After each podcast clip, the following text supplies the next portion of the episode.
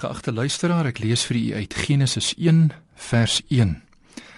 In die begin het God die hemel en die aarde geskape. Net tot sover. In hierdie gedeelte is dit baie duidelik dat die initieerder, die een wat die aarde, die hemel en die menslike geskiedenis begin het, God is. So bely ons ook elke Sondag. As ons sê ek glo in God die Vader, die almagtige, die skepper van hemel en aarde.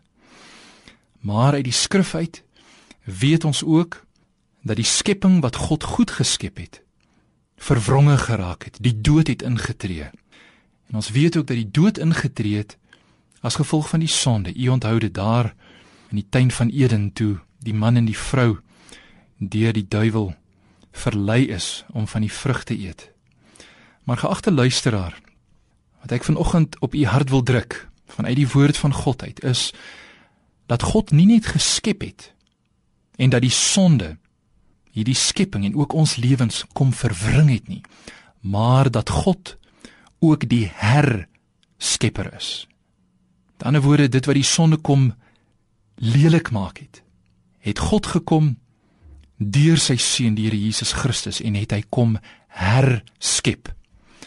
En daarom vir elke persoon wat in die Here Jesus Christus is, wat in hom deur die geloof ook deur God herskep is, 'n nuwe lewe gegee is, is dit ook 'n persoon wat met hoop en blydskap na die toekoms kan kyk, omdat hy en sy weet dat God ook uiteindelik hierdie aarde en die hemel, dit wat hy gemaak het, wat ons kan sien en wat ons met ons sintuie kan beleef, dat hy ook dit gaan herskep.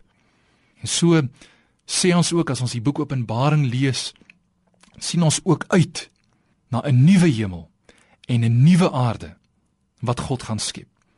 Mag dit wees dat ons harte vol van blydskap is as ons hieraan dink dat God wat geskep het en die sonde wat ingetree het, het God nie onverwags gevang nie, maar hy herskep ons in sy seun en in hom kyk ons na 'n nuwe lewe wat kom met die nuwe Jerusalem wat sal neerdal as God alles nuut maak. Kom ons bid 'n woord saam. Vader, ons dankie dat U wat die Skepper is, dat U die een is wat ons deur die geloof in ons Here Jesus Christus herskep en ons harte vul met 'n blydskap wat uitsien ook na die herskepping van ons liggame en van hierdie wêreld. Amen.